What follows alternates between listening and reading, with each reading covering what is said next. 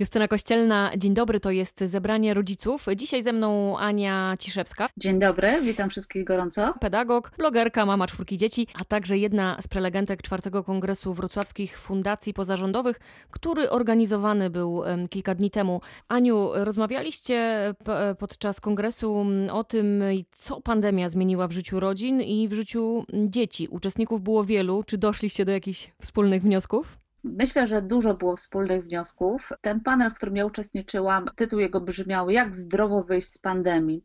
Więc można powiedzieć, że skupiliśmy się na pozytywnych rzeczach, które się wydarzyły w czasie pandemii i co możemy jeszcze jakby zrobić w domu e, z dzieciakami, żeby jak e, najlepiej e, wyjść z pandemii właśnie, która ma miejsce i być może przygotować się do jakiejś jesiennej, jakby kolejnej edycji pandemii, która może się zdarzyć, prawda? Edycja druga. No trzymajmy kciuki, żeby tak się nie wydarzyło, natomiast tak, idą takie sygnały, że od września nauka też zdalna. Ojejku, właśnie tego się wszyscy najbardziej obawiamy, chyba że będzie kolejna e, nauka zdalna.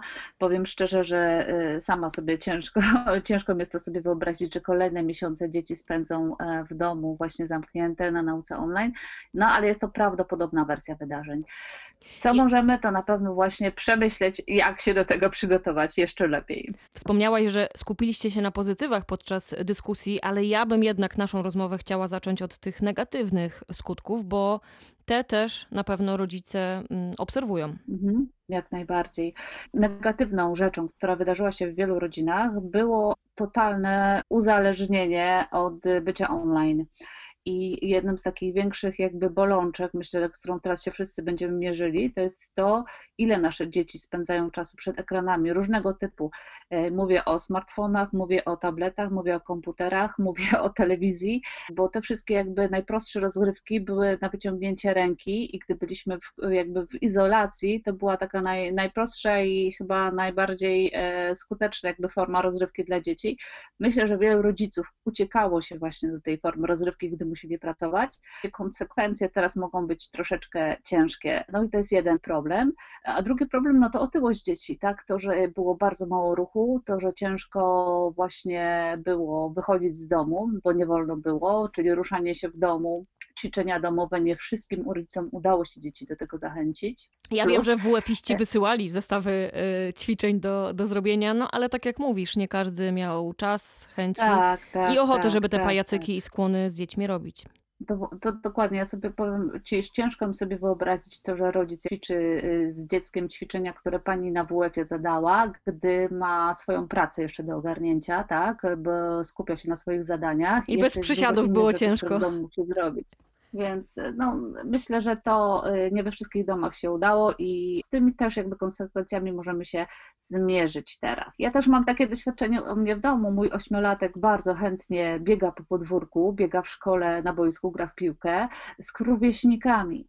Natomiast ze mną, ze swoją mamą, żeby chciał gdzieś pójść, to naprawdę ja muszę się pogimnastykować, muszę wymyślić mu ciekawy cel, muszę wymyślić mu ciekawy środek lokomocji, czyli rower hulajnogę czy coś tam jeszcze innego, albo co tam będziemy ciekawego robili, albo jakąś zabawę dodatkową, jakby muszę coś więcej zrobić. Nie jest tak, nie, nie mogę powiedzieć, idziemy teraz na spacer, koniec, kropka, tylko jakby muszę troszeczkę się nagimnastykować, żeby on chciał ze mną pójść na spacer. Tutaj postawimy kropkę, ale do rozmowy zaraz wrócimy. Radio Wrocław. Justyna Kościelna, dzień dobry. To jest e, druga część zebrania rodziców. Dzisiaj ze mną pedagog e, Anna Ciszewska. Dzień dobry. Dzień dobry.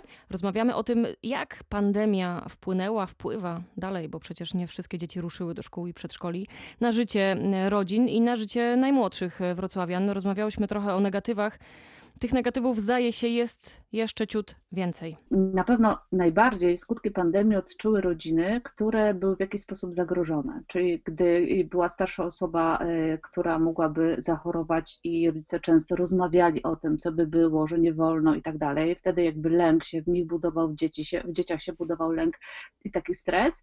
No a druga opcja, drugi też jakby są rodziny, które są zagrożone materialnie mocno, tak ekonomicznie w związku z tym, że rodzice nie mogą e, pracować e, albo w sposób mniej, mniejszy pracują, albo mniej zarabiają i u nich też ten lęk rodziców na pewno przekłada się na dzieci i ogólnie taki stan zagrożenia właśnie zdrowotnego i ekonomicznego panuje jakby w, w, w tych rodzinach, tak? I to jakby też jest jedna z konsekwencji pandemii dosyć duża.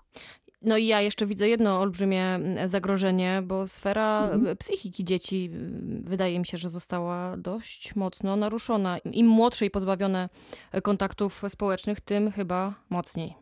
Na pewno tak. E, na pewno e, kontakt z rówieśnikami e, jest niezbędny do zdrowego, normalnego rozwoju dzieci. I to, że oni mieli dużo kontaktu z rodzicami i z rodzeństwem, jakby może nie być wystarczające, tak? Jednak rówieśnicy motywują o wiele bardziej i stymulują o wiele bardziej do rozwoju. Myślę, że wśród jeszcze młodszych dzieci taką stagnację rozwojową możemy albo nawet regres rozwojowy zaobserwować, gdy nie było zajęć zajęć przedszkolnych, zajęć żłobkowych. Rodzice nie zawsze są przygotowani do tego, żeby aktywnie w domach z dziećmi się bawić, żeby ten czas spędzać aktywnie, tym bardziej, że pracowali, zajmowali się domem i tak dalej, tak? Więc e, no, no nie można oczekiwać od wszystkich, że będą myśleli o takim aspekcie. Więc właśnie te, te dwie rzeczy myślę, że mogą być poważnym takim utrudnieniem. No i dodatkowo, jeśli chodzi o nastolatki, starsze dzieci, no to brak kontaktu właśnie z rówieśnikami.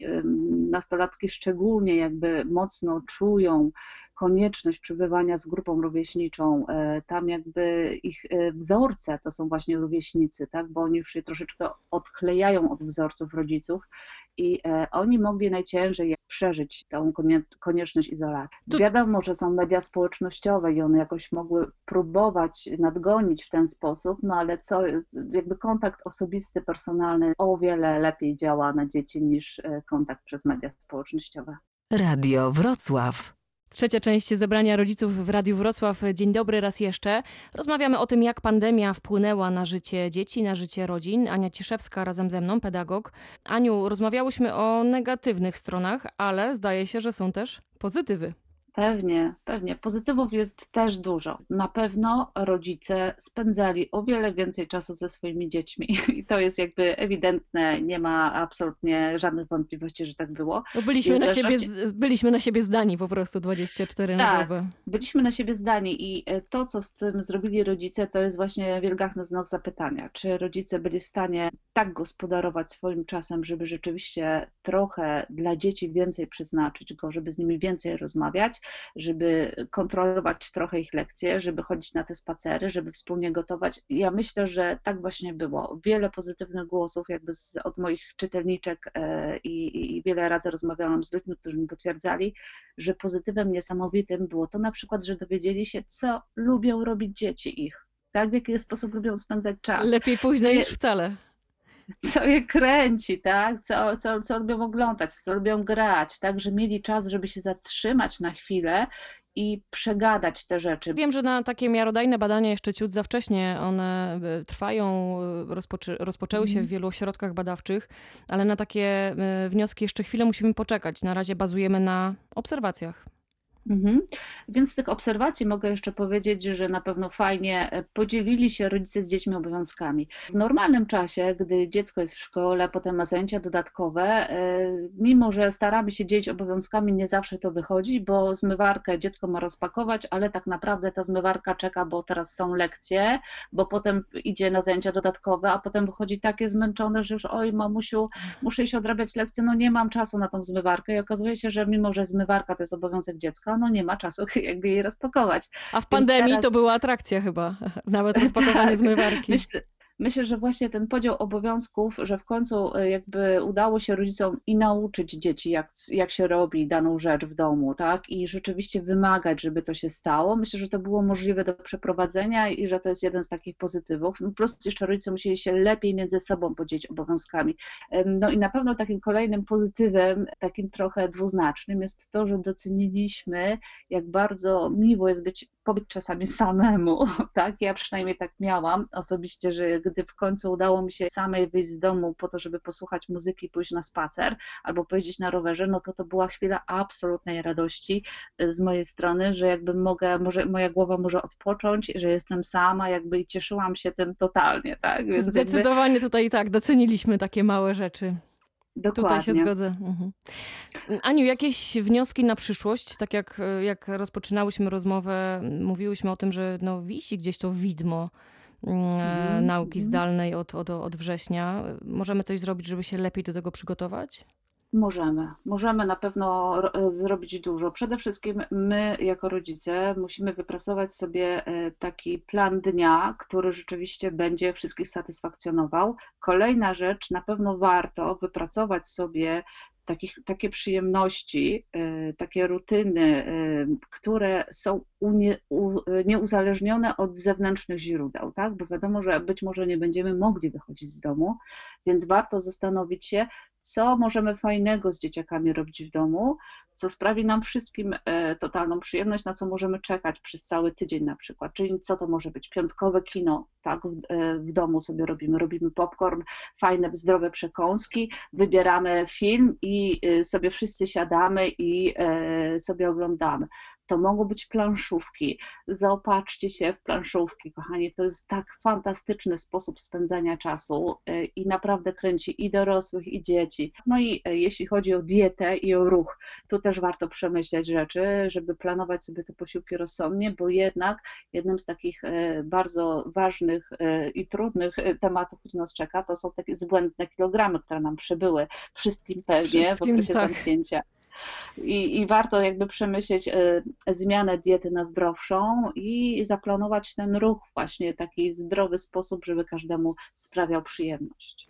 Wakacje przed nami, jest o czym myśleć. Zatem Mhm. Anna Ciszewska, pedagog, była dzisiaj moim gościem. Bardzo dziękuję. Dziękuję pięknie. Pytała Justyna Kościelna. Do usłyszenia.